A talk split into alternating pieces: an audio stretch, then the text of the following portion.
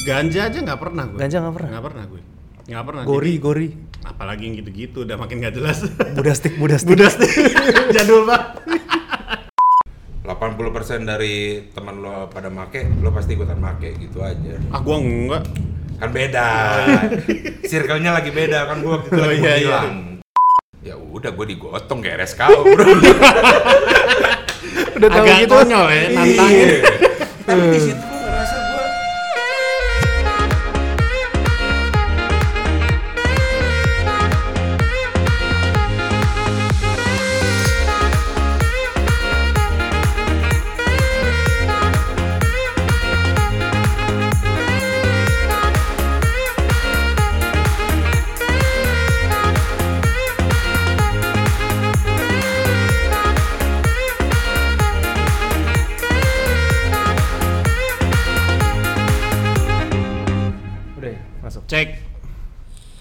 Coba ngomong tak? Kok Cek. lo harus deket-deket gitu sih? Cek.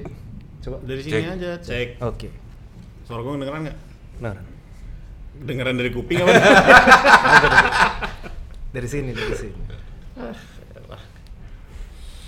Balik lagi di podcast Adlib bersama gua Dibia sama rekan gua Ulang-ulang deh. Gofar.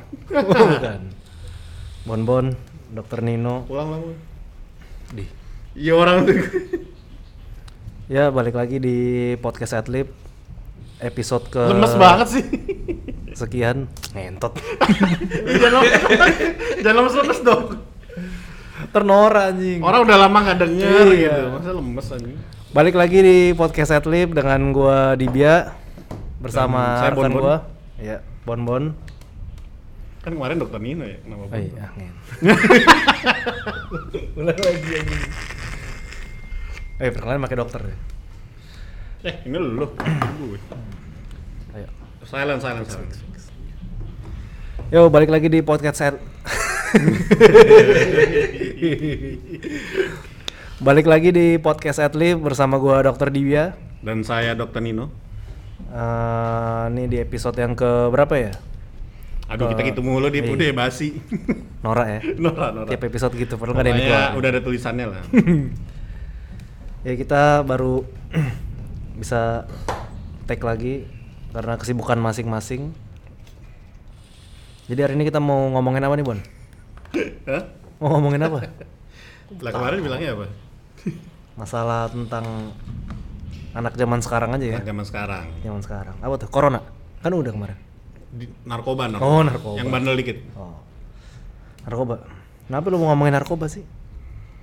Soalnya makin ke sini gue makin nggak tahu tentang narkoba. Ngerti nggak? Maksudnya kayak makin banyak orang yang make tapi aneh-aneh jenisnya gue nggak tahu deh. Hmm, iya iya. Sekarang zaman sekarang narkoba udah macam-macam jenisnya dan sebenarnya untuk awalnya kita harus tahu dulu sih apa tuh narkoba. Iya. Jadi Waktu terakhir lo bilang lo make narkoba ya gue udah nggak tahu namanya apa. apa anjing lu pakai? Ih, Sorry. Ya tapi alkohol kan masuk narkoba juga, benar. Oh gitu. Iya. Oh nggak boleh dong berarti. nggak boleh, tetap. Cuman makanya dia diatur di pasal kan.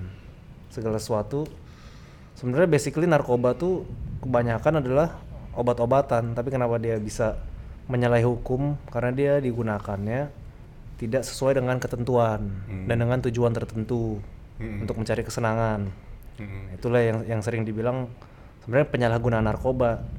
Kalau Kan terakhir tuh juga kemarin ganja tuh Hmm, Kementerian Kehutanan iya sempat sempat dilegalin satu hari melegalkan untuk kepentingan penelitian. penelitian, cuma satu hari. Baru satu hari langsung, Langsung di- dicabut. Dicabut. mungkin di sana dicobain lemes jadi dicabut lagi kok, kok enak ya? jadi sebelum mulai gue mau jelasin dikit sih tentang narkoba apa sih narkoba itu Ah. Nar, narkotika ko, psikotropika apa sih narkoba kok ya? ba Ba-nya adalah bahan aditif Anjing halu nih. hmm. Make lu ya terus terus. jadi Jangan kelihatan baca slide gitu dong.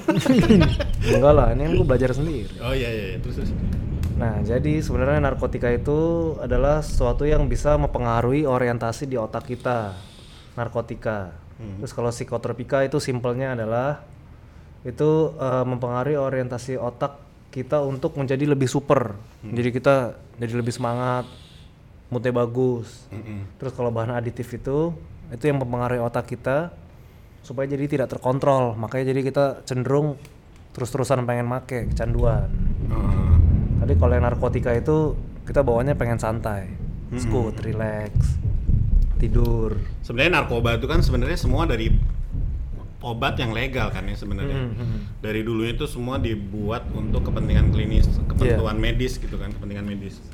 Tapi pada akhirnya banyak abuse pemakaiannya sehingga akhirnya berkembang eh, apa namanya barang-barang ilegal, bukan barang-barang ilegal, maksudnya diatur kepenggunaannya karena banyak yang mau salah gunakan.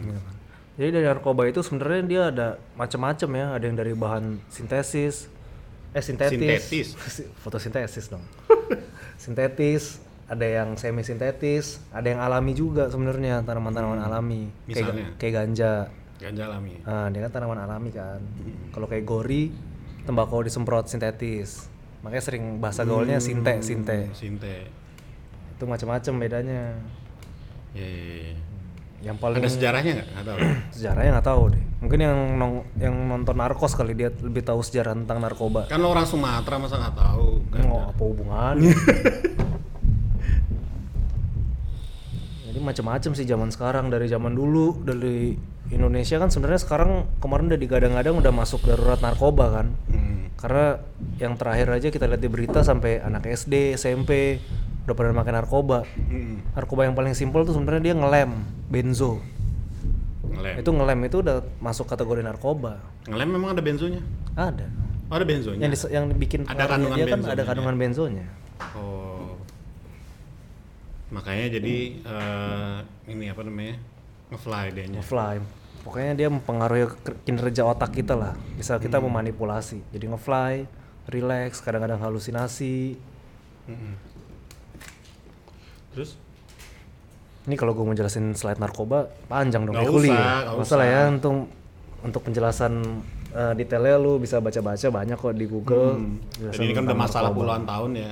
Hmm. Pasti banyak referensinya. Cuman emang kenapa kita angkat sekarang kita eh, mulai resah aja lagi karena sepertinya kalau gue pribadi ya gue sih agak anti tuh sama apa namanya gerakan-gerakan melegalkan ganja gitu. Hmm. Karena takutnya ya itu sesuatu yang kita udah atur ini nanti begitu legal orang makin banyak menyalahgunakan lagi. Ya tahu lah pasti ada aja penelitian yang uh, mendukung pe- uh, arah penggunaan dia sebagai untuk medis segala macam. Tapi ya emang harus kalangan-kalangan tertentu aja yang boleh mengakses gitu nggak Nah, bisa iya. bebas gitu. Kalau legal kan nanti kesannya jadi bebas. ya. bebas dan di, di negara maju pun kayak di Amerika dia paling sering Belanda, Belanda. Belanda itu udah dilegalkan cuman dilegalnya legal dengan tanda kutip ya bukan kita bebas tiba-tiba di jalan bisa ngisep ganja Emang terus enggak? bukannya boleh? enggak kalau di Belanda kan juga harus di tempat-tempat tertentu kan kita Katanya bisa beli-beli di coffee shop. bisa di coffee shop cuman coffee shopnya yang ada lambang tertentunya gitu nggak semua coffee shop dan kita makainya ya harus di situ juga nggak bisa kita di jalan-jalan Yang boleh beli juga ada batasan Ah, umurnya. ada batasan gitu ya. umur dan untuk di negara maju semuanya sebenarnya lebih strict sih sampai dia ke masalah alkohol pun kita mau beli alkohol juga harus show Tunjukin ID, Iya. kalau di Indonesia kan nggak ada kan yang kayak gitu kan Sebenarnya disuruh. iya harusnya ada Cuman yang jual nggak pernah nyuruh kita nunjukin ID. cuan bos Iya. Jadi namanya narkoba tuh kayak bahan-bahan aditif deh segala sesuatu yang eh, bisa memanipulasi otak lo bisa bikin kecanduan itu bisa dikategorikan sebenarnya narkoba Tapi jujur deh, maksudnya lo pernah ada bersinggungan atau pernah nyoba salah satu narkoba nggak? pernah Ya dalam hal ya nggak tahu emang lo lagi perlu, lagi misalkan kayak sanas karena lo lagi nggak bisa Iya. tidur gitu-gitu. pernah pernah beberapa beberapa gue coba ada yang karena penasaran pengen tahu kan gue efeknya.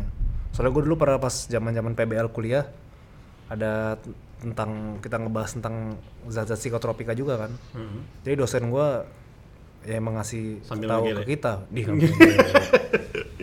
ya dia bilang kamu sebagai dokter Harus minimal nyoba. ha- harus tahu harus tahu efeknya. Jadi ketika kamu nemu orang atau pasien dengan kondisi itu, kamu bisa paham karena kamu udah pernah ngerasain itu. Lah gimana masa nyuruhnya kayak gitu? Iya bener. Dosen apaan bener, gitu? bener. Dia dia ngerasain dia dia cerita sendiri. Jadi suruh nyabu gitu. Iya, dia Serius nyeritain. lu? Dia nyeritain. Jadi awalnya tuh gara-gara eh ini ada dosen gua cuman sekarang udah almarhum, Hmm. tapi dia baik banget. Ya dia bilang gitu, saya nyobain karena ada saudara saya itu dia stroke dibilangnya, Hmm. nggak bisa jalan. Akhirnya karena semua pengobatan udah dicoba, akhirnya dia nyoba itu sabu. Nah pas pakai sabu itu dia langsung jadi seger, tiba-tiba bisa jalan ini itu. Hmm. Tapi ini gue bukan ngajarin orang yang stroke pakai sabu ya, cuman ini kan ya namanya orang coba-coba, tapi ada resikonya sendiri kan. Nah di situ dia penasaran tuh kok sabu efeknya apa nih? Akhirnya dicoba lah pakai sabu, bener tuh jadi rajin, dia nyapu halaman segitu gede rumahnya, bersih-bersih rumah, beneran jadi rajin. Hmm. Akhirnya dia tahu kan, efek sabu nih naikin ini nih apa naikin mood, bikin semangat. Hmm. Nah mungkin itu juga yang dia bilang mungkin kenapa kamu sering lihat artis-artis pakai sabu ya itu karena dia untuk menopang uh, kerjaan Kerjaan. dia yang super sibuk dia harus ada zat yang bikin naikin mood sama uh, Stamina. perf- iya stamina, performance otak dan lain-lain, fokus Nah, situ. gitu ya. Hmm. Tapi lo belum pernah nyoba tuh kalau sabu? Belum pernah kalau sabu. Nggak maksud gua berarti berarti bisa dicoba tanpa harus menyebabkan adiktif dari awal berarti. Ya itu sebenarnya tergantung dari tujuan kita sih. Kadang-kadang tuh orang yang ketergantungan kan satu dia pertama pasti awalnya semua kan coba-coba kan. Karena permainan coba-coba terus lu misalkan ngerasa itu enak, Hmm. akhirnya lu pengen lagi, pengen lagi, pengen lagi. Lama-lama udah deh otak lu udah kepengaruh itu semua, akhirnya lu ketergantungan, badan lu ikut semua jadinya. Hmm. Kalau nggak pakai itu ya semuanya drop. Hmm. Ya, ya, ya. Eh, kalau gue pribadi sih emang jujur aja gue nggak pernah di maksud gue emang dari walaupun sekitar gue lingkungan gue ada aja yang pakai tapi nggak pernah guanya gue sendiri nggak pernah mau pengen gitu nggak mau berarti ya nggak tahu kenapa gitu nggak ada rasa penasaran gitu nggak ada nggak ada sedikit pun ganja aja nggak pernah gue ganja nggak pernah? Nggak pernah gue nggak pernah. Gori Jadi, gori. Apalagi yang gitu-gitu udah makin nggak jelas. Budastik budastik. Budas deh jadul banget pagadon. Gue tahu doang term-termnya teman-teman gue ada yang ngake segala macam, tapi gue nggak pernah pengen nyoba gitu. Eh gue takut aja gue punya kesadaran diri karena gue takutnya gue keterusan gitu. Karena gue orangnya gampang. Iya. rokok aja sampai sekarang gue nggak pernah nggak pernah berhenti gitu gue takutnya nyoba-nyoba sesuatu hal yang baru yang akhirnya gue nggak bisa menahan gitu nikotin masuk narkoba nggak ya kan dia Itu bikin dia. kecanduan juga kafe Itu dia. kafein dia harusnya bahan aditif juga kan? aditif karena di di FDA di apa bukan FDA apa namanya yang badan sport di luar negeri itu yang ngurusin doping Hmm. itu sekarang kafein udah di ban jadi orang nggak boleh ngopi iya jadi kalau atlet tuh udah nggak boleh nggak boleh ngopi sebelum ini. Ada batas-batasnya. Ah, karena dia dia termasuknya ini PED performance enhancement drug drugs itu. Hmm, karena dia bisa naikin eh, kemampuan tubuh. Konsentrasi. Nah makanya dia Iya, sekarang udah di masuk akal sih. Maksud gua eh ya ini bagian dari ini gak sih? Bagian dari bisnis gak sih maksud gua. Kalau udah rokok ya kita udah ngomong rokok itu Iya. udah industri yang nggak bisa disentuh lah. karena kalau dari eh, definisinya ya harusnya sih masuk. Alkohol pun masuk Iya. Dan alkohol. dia jelas merusak tubuh gitu kan. Jadi maksud gua semua definisinya masuk gitu. masuk masuk. Nah itu sebenarnya eh, narkoba tuh sebenarnya luas banget ya. Obat ti- obat tidur. Pokoknya lu pakai obat yang lu salah gunain harusnya misalkan obat buat pusing lu pakai terus-terusan buat ngefly Iya. itu namanya lu pakai narkoba penyalahgunaan Bukan berarti yang belum ada di BNN itu tidak termasuk dalam Ah, narkoba. iya, sekarang ada yang banyak. sudah diatur, ada yang belum gitu kan. bahkan steroid aja buat uh, atlet-atlet Hmm, kayak lu binaragawan anjir Lo kan kebanyakan steroid nih mas. anjing itu dia masuknya bisa digolongan ke nar- narkoba juga dia steroid itu Hmm, yang tadi gue bilang iya, itu iya, dia iya. PED juga masuknya Kalau steroid udah lama tuh ketahuannya. hmm. Makanya dia di ban kan nggak boleh dipakai di professional sport Hmm. Ya, tapi kan kita nggak ngobrol berdua doang nih kan kebetulan di ruangan ini kita ada Oh, iya. tamu nih. Dari tadi kita anggurin aja. nah, Ini eh, teman kita lah ya, kita teman kita. Ini mau disebut nggak nih namanya nih? siapa ya? saya nggak kenal kalian. Nah ini kan efek narkoba kan. Sebenarnya temen tapi nggak kenal Lupa. gitu. Itu lupa. bahaya ini narkoba itu tuh, bahaya Ini narkoba suka lupa diri lupa temen Lupa teman. keluarga Iya lupa. Parah. Ya. itulah Jadi belum dijawab nih mau disebut nggak nih? Ah, pakai inisial aja. Inisial aja Inisialnya ya. apa? Maunya dipanggilnya apa nih? Inisialnya Don. Wih, itu gila. apa inisial? ya. Don, ini mau pakai suara-suara ini nggak? Kayak buser-buser gitu nggak? usah. oh nggak usah ya. nanti suara kita sensor Jadi gak ada suaranya. oh iya iya ya, ya, gimana gimana? Don ini eh, mantan user lah ya. Ex user. Ex user. sarjana RSKO ya keren. Alumni. Alumni. Katanya ini ya temen-temen seperjuangan sama Tio Sama Pakusadewa. Om Tio, sama Fahri Albar. Ya tapi kita boleh nggak sih nyebut-nyebut nama gitu? nggak apa-apa boleh Oh, apa ya? Banyak lah. Buat pendidikan ya. Ya kan rehab, rehab itu rehab bukan rehab ya me- make bareng ya. Lagi rehab. Ya, Jadi ya, ya. udah udah dalam proses. Mana Om Tio masuk lagi. Jadi Don nih eh, ya buat gue pribadi sih emang udah kenal lama ya. Tapi emang gue tahu eh, dia punya pengalaman sebagai eh, ex user. Jadi boleh ceritain nggak nih pernah pakai apa aja nih Don? Nggak enak banget ya manggilnya Don kesannya meninggikan nama orang. Gimana gimana Don? Eh, apa ya? Dari yang belum SD, pernah dari SD. Ah, dari SD. Jadi masuk ke lubang hitam itu untungnya nggak nggak terlalu cepat ya. Jadi udah eh nggak terlalu cepat nggak terlalu lama. ya. Gue tuh berapa tahun ya? Dua eh tiga tahun lah ber apa hidup di eh, berkecimpung di dunia itu ya. Tapi akhirnya bisa keluar kunci cuma satu tuh kalau mau keluar ya dari dari diri sendiri nggak bisa dari orang lain camkan itu kalian user jadi nggak Oh, bakal iya. bisa Ya ini pendengar kita belum ada yang user tak. oh iya Kok tak sih? iya ya udahlah nggak apa-apa Gak apa-apa, oke. Nggak ada yang tahu juga kan tak apaan. untuk Kalau- narkoba yang belum pernah gue pakai itu kayaknya putau Putau. Oh, jadi dari semua yang belum pernah itu Yang belum Putau pernah doang ya. ya. Iya. Yang lainnya pernah. yang lainnya pernah Ngelem gitu pernah. oh ngelem nggak ada yang Ngelem nggak ya? ngelem nggak gue nggak me- gua nggak me- apa masukin lem ke kategori narkoba Oh sih gitu. Intinya nggak main narkoba murah gitu. iya nggak gue bukan downer soalnya Oh, oke. downer tuh yang sukanya yang relax Ah, yang pedau-pedau tuh benzo. Nah, ini, ini menarik maksud gua. Ini kan ada istilah-istilah yang sebenarnya gua sendiri yang orang medis aja nggak tahu gitu. Hmm. Nah, ini dari sisi orang yang pernah sebagai ex user tuh Jadi ada kalau di narkoba tuh ada dua tuh, ada yang bikin slow, ada yang bikin kenceng. Hmm. Kalau yang bikin slow itu kayak ah, aliran benzo, kanabiol, ganja, heroin tuh yang bikin pedau tuh ngefly, ya kan, jadi air gitu.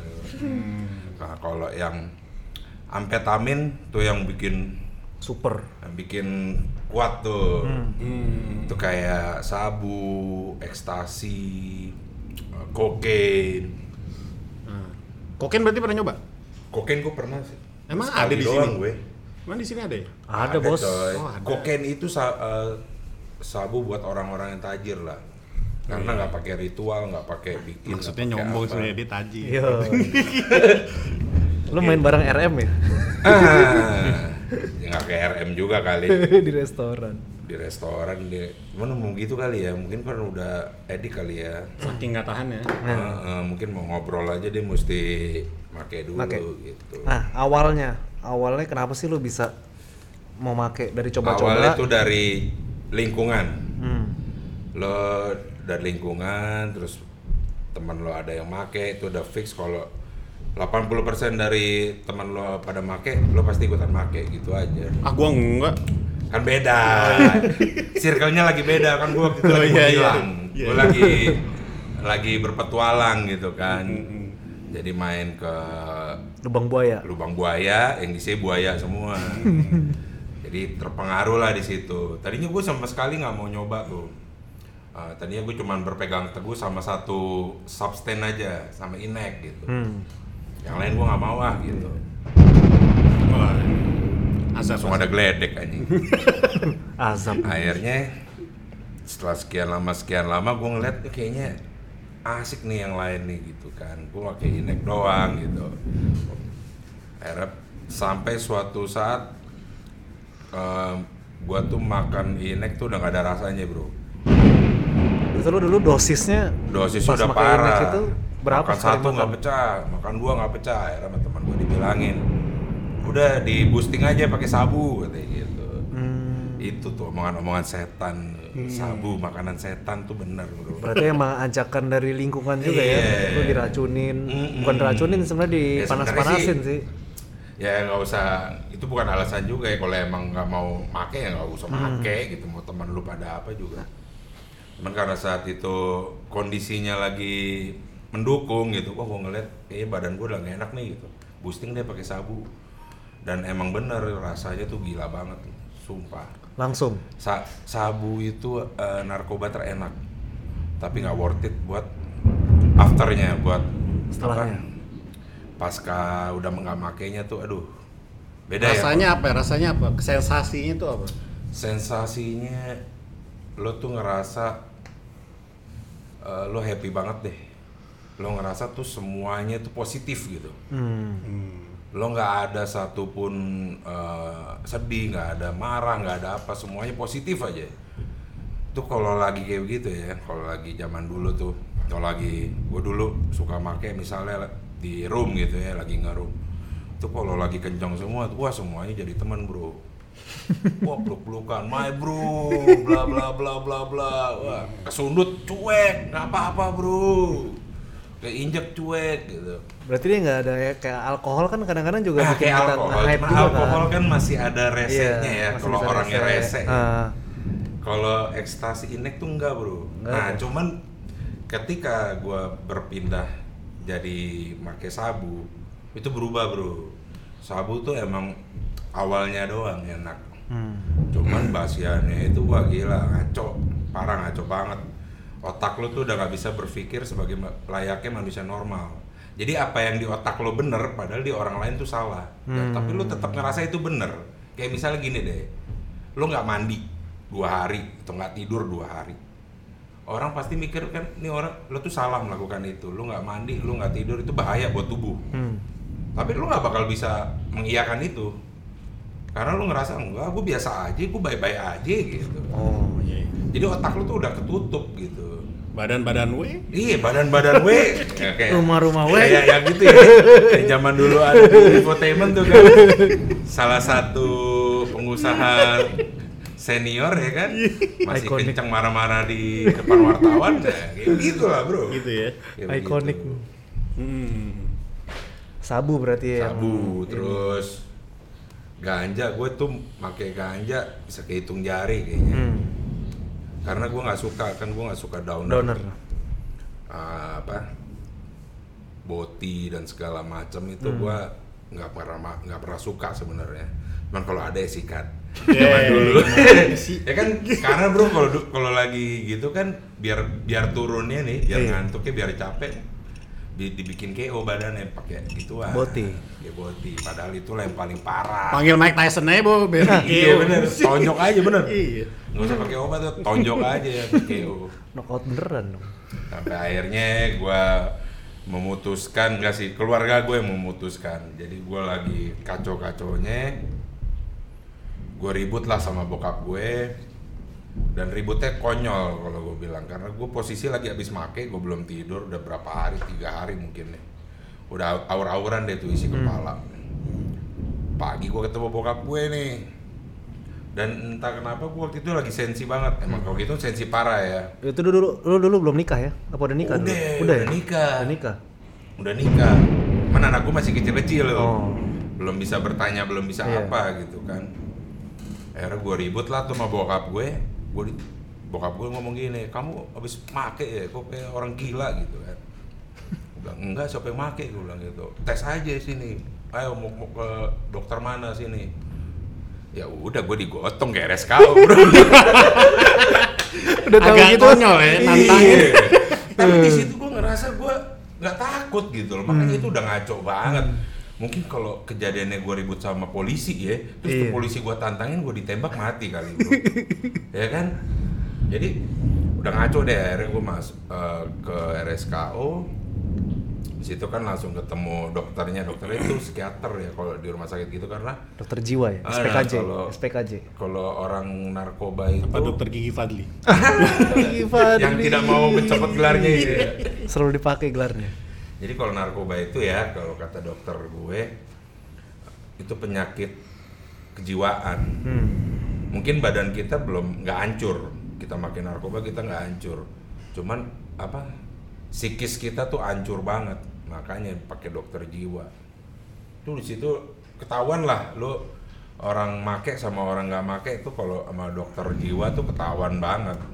Dari lo kayak ngomong dari eh, rasa empati lo yang nggak ada, simpati lo yang ah, apa nggak ada sama sekali, dan lo ngerasa lo bener, nah itu gampang banget. Pakai kalau kalau di jalanan polisi kayak nangkap orang gitu misalnya ada orang temperamen gitu ya, itu pasti dites urin dulu karena Langsung ya. Ah, ah, itu indi- indikasi awal karena dia ngerasa dia melakukan itu nggak sadar gitu kan.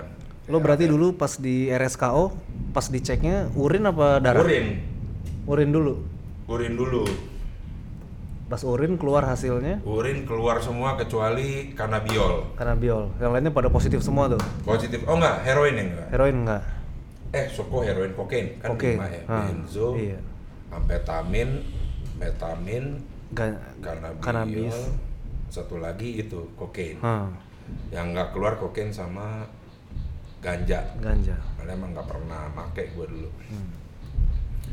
Udahlah akhirnya di situ diwawancara kan ditanya makainya udah berapa lama, udah berapa sering, berapa banyak dalam satu hari. Hmm. Dan ini yang buat yang lain dengar, dulu gue gue gila banget gue dulu satu gram ya, satu gram sabu tuh bisa mungkin cuma buat dua hari lu bayangin. Itu kalau untuk normal orang tuh biasanya berapa tuh? Kalau sabu itu biasanya. Oh pemula lah pemula. Nah, misalkan pemula orang-orang ya. baru Pemula paling satu gram tuh bisa dua minggu kali. dua minggu. Dia mak- emang sedikit sedikit itu. makanya ya. emang Iya, sedikit-sedikit sedikit-sedikit yang sedikit. diambil pipet gitu kan, diambil Ini pakai- pipet. pakai apa cangklong kacanya itu Ah. dibakar di situ Ah. gua dua eh segram tuh cuma dua hari tiga hari lu bayangin dan gue bersyukur banget masih otak gue masih, masih tajam gitu loh orang lain kalau nggak mati ya gila kalau udah urusan narkoba Hmm. minimal gila ya kalau narkoba ya banyakan gue juga Iya. di RSKU tuh banyak teman-teman satu apa satu lantai gue yang dirawat tuh begitu kayak salah satunya ya kayak Om Tio gitu tuh kalau lu ngelihat dia lagi apa nggak make gitu kayak kayak robot tuh Sakau. enggak nggak sakit Nggak make Sakau. kok sakau. Kalau sakau kan badan lo sakit-sakit Iya. gitu kan Eh, itu itu katanya kalau pakai putau ya Hmm. kalau gua kan nggak pernah pakai putau jadi kalau orang Oh ini pas efek dia lepasnya ya, apa Efek withdrawal. withdrawal Nah, effect, itu withdrawal effect. ngaruhnya ke psikis eh, psikisnya dia bukan badannya dia badannya Hmm. sih nggak kenapa-kenapa cuma otaknya error gitu ntar yang lo tidur kejang-kejang lo nggak sadar makanya kalau ada orang yang suka deg gitu atau suka keret keret Apaan tuh? biasanya gejala putus obat Oh iya iya. iya. yang suka tangannya gini-gini gitu. Gager. Muhammad Ali gitu dong. Iya, itu Parkinson Oh iya. ini Kirain. kayak orang Parkinson kali jadi kan dia mau nyebut yang lain tapi jatuhnya takut kan sarafnya udah rusak Hmm, iya. sama aja toh ya kan cuman rusaknya gara-gara keton- ketonjok sama kebanyakan make beda Sama-sama kerusakannya di otak. iyo akhirnya gue di situ lo kalau eh, di Indo itu rehabilitasi itu dari pemerintah gratis Oh gratis tuh. berarti? Gratis. Sama sekali nggak. sama sekali nggak bayar tapi lo harus Tapi ikutin keluarnya bayar. Kagak, sama sekali. Ti- cuman lo harus ikutin programnya tiga bulan. Oke. Jadi kalau rehab itu yang bener-bener rehab itu dia tiga bulan. Itu lo nggak boleh pulang berarti. Nggak Full boleh. di rumah sakit. Nggak boleh pulang, nggak boleh megang handphone. Uh, visit juga ada jamnya, ada Oh. harinya. Itu yang pagi-pagi Jadi kayak subuh-subuh. penjara. Subuh-subuh dimandiin Cuman, gitu. ah, enggak, Oh, bukan? enggak ada begitu-begitu. Jadi kalau rehab itu eh, kelasannya tahapnya ada tiga.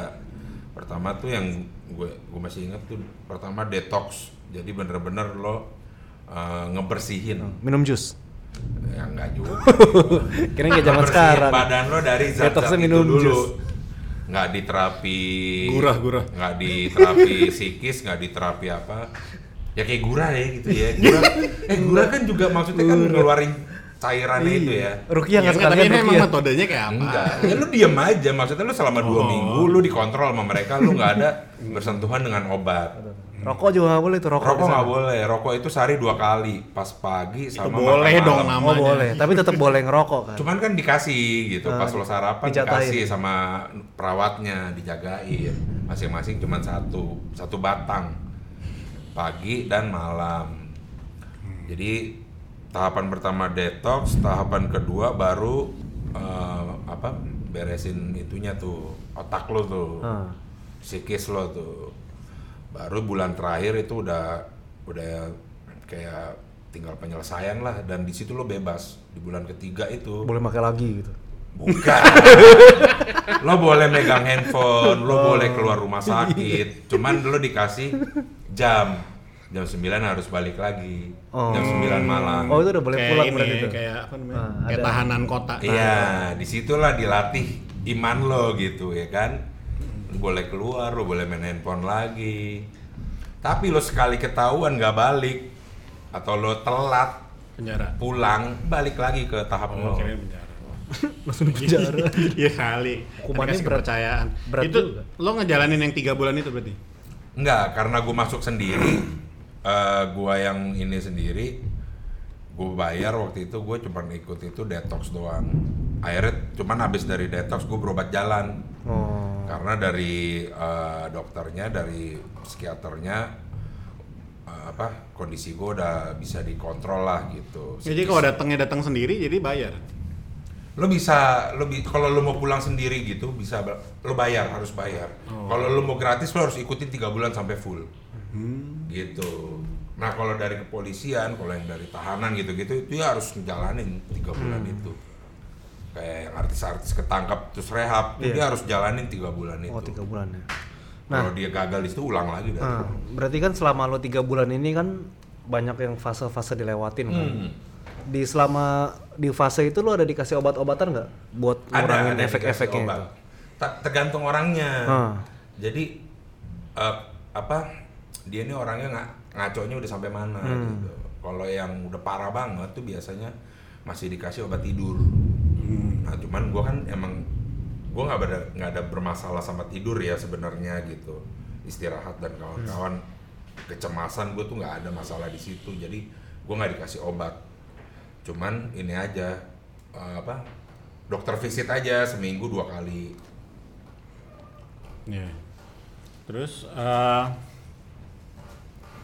jadi lo selama eh, itu berarti lo berapa lama doang tuh? di situ gue cuma dua minggu. Dua minggu doang. Jadi gue ngejalanin detox detoksifikasi aja. Habis itu gue berobat jalan. Nah, cuman da- dari gue di RSKO sampai sekarang alhamdulillah masih bertahan nih. Jadi dari RSKO itu gue juga udah eh, apa ya udah janji lah sama diri gue sendiri gitu. Iya. gua nggak mau make lagi nih si makanan setan ini karena uh, gua udah ngerasain apanya jeleknya eh, ngerasain ruginya rugi waktu rugi tenaga rugi uang wah kalau lu main narkoba udah siap-siap deh duit lo habis deh. Udah pasti itu apa makanya kalau banyak yang nyolong ya itu karena dia make terus nggak punya duit. Jadi nyolong kalau punya duit pasti habis deh. Lu mau duit 100 triliun pun pasti habis kalau lu pemakai yang No. mendingan nggak usah. Nah kalau gua tarik dikit nih maksud gua lo awalnya make itu kan pasti lo lagi party berarti kan sama Iya. teman-teman lo kan. Nah kalau sekarang berarti setelah lo dari berhenti nih terus lo party tanpa substance gimana? Rasanya ada bedanya nggak? nggak ada bedanya. Nggak kalau kalau karena dulu gitu gini bon. Apa ya? Lingkungan itu yang gue bilang. Hmm. karena lu party satu satu geng lu pada make semua jadi lu make biar funnya gitu. Tapi kalau satu geng lu cuman minum doang ya lu minum doang tuh juga udah fun, Fun, gitu. Iya iya. jadi balik lagi ke circle sih Ya, jadi itu em, salah satu message-nya ya, maksud gua. Iya. Mungkin kalau lo sedekat apa pun pertemanan lo gitu ya, tapi ngajakin lo narkoba lo tinggalin Ah, cabut aja. deh gitu. Karena gue sendiri pun kalau gue nggak menarik diri dari geng gue yang lama ya, gue nggak yakin gue bakal masih bisa bertahan apa enggak. Yang ada mungkin gue pakai lagi dan gue nggak mau itu makanya gue milih gue cabut. Lingkungan tuh nomor satu lingkungan sama keluarga. Dan kalau kalian eh, merasa kalian butuh bantuan, jangan segan-segan untuk bilang ke keluarga. Kalau lu pengen stop, lu pengen berhenti, karena banyak kejadian di luar sana yang gue tahu mereka pengen berhenti, cuman mereka takut bilang keluarga. Akhirnya mereka mengobati sendiri. Caranya mungkin ada yang salah atau apa itu bahaya, fatal. Kalau penolongan pertamanya salah, itu bisa kacau bro. Makanya banyak yang jadi error gitu. Karena dia nggak nggak nggak ada komunikasi mungkin ya. Jadi dipendem sendiri aja. Pengen berhenti cuman otak dia sebenarnya udah sakit gitu. Dia butuh pengobatan. Makanya itu butuh ke psikiater itu. Lo jangan jangan takut lah. Lo emang lagi sakit harus diobatin ya. Sama aja Ya, kayak ya. kita lagi jatuh gitu. Kaki kita berdarah kaki kita patah ya kita harus ke rumah sakit harus diobati tuh Ya berarti intinya kalau misalkan sekali kita terjerumus ya family support tuh penting. Terus juga Iya, tapi kan kadang juga justru family is the problem gitu. kadang-kadang Nah, ya. itu Permasalahannya orang berangkat karena masalah keluarga, akhirnya lari ke temen, tapi kebetulan ketemu temen. temennya kayak gitu. Jadi yang bener sih kalau gue, kalau gue sih lebih ke circle sih. Iya, iya, iya. Lo pinter-pinter pilih temen. Cari lingkungan yang bagus berarti ya. Iya. Ya mungkin kalau buat teman-teman di sini yang punya masalah kurang lebih sama gitu ya karena keluarga mungkin kurang bagus hubungannya terus lari ke temen tapi temennya begitu ya emang mau nggak mau lo harus tinggalin sih walaupun mungkin temen lo itu doang gitu ya tapi Cari yang lain. cari yang lain Cari yang lain. nggak bisa nggak bisa Eh, dan hidup tuh lebih indah tanpa narkoba karena apa? Lu nggak usah takut, lu nggak usah ngumpet-ngumpet, lu nggak- lu lepas aja menjalani hidup gitu. Karena kalau zaman dulu gue, gue tuh sama orang aja maksudnya gue menutup diri. Lu lihatlah dulu gue kayak gimana sih menutup dirinya. Gue nggak pernah main lagi sama lu pada gitu kan. Iya iya. iya. Karena gue menutup diri gitu. Karena lu takut juga takut ya. juga gitu gue takut teman-teman gue tahu gue tak gue takut eh, nanti ada ternyata ada teman gue yang jahat padahal intinya sih sebenarnya Padahal iya ya. Padahal Gua iya. aja error gitu makanya itulah hebatnya bro narkoba tuh kacau bro kalau bisa jangan deh tapi selain efek-efek tadi kayak lo ngerasa marah lo nggak bisa diatur segala macam punya ada efek ke organik nggak maksudnya kayak lo jadi ngerasa jantung lo bermasalah atau apa sampai ke situ eh, kalau badan sih gue enggak cuman gue ngerasa gue gampang kagetan sekarang Kagetan. Hmm. Nah, kemarin katanya yang impoten itu enggak? Anjing. oh, bukan. Ada permen, Bro. Oh, oh iya.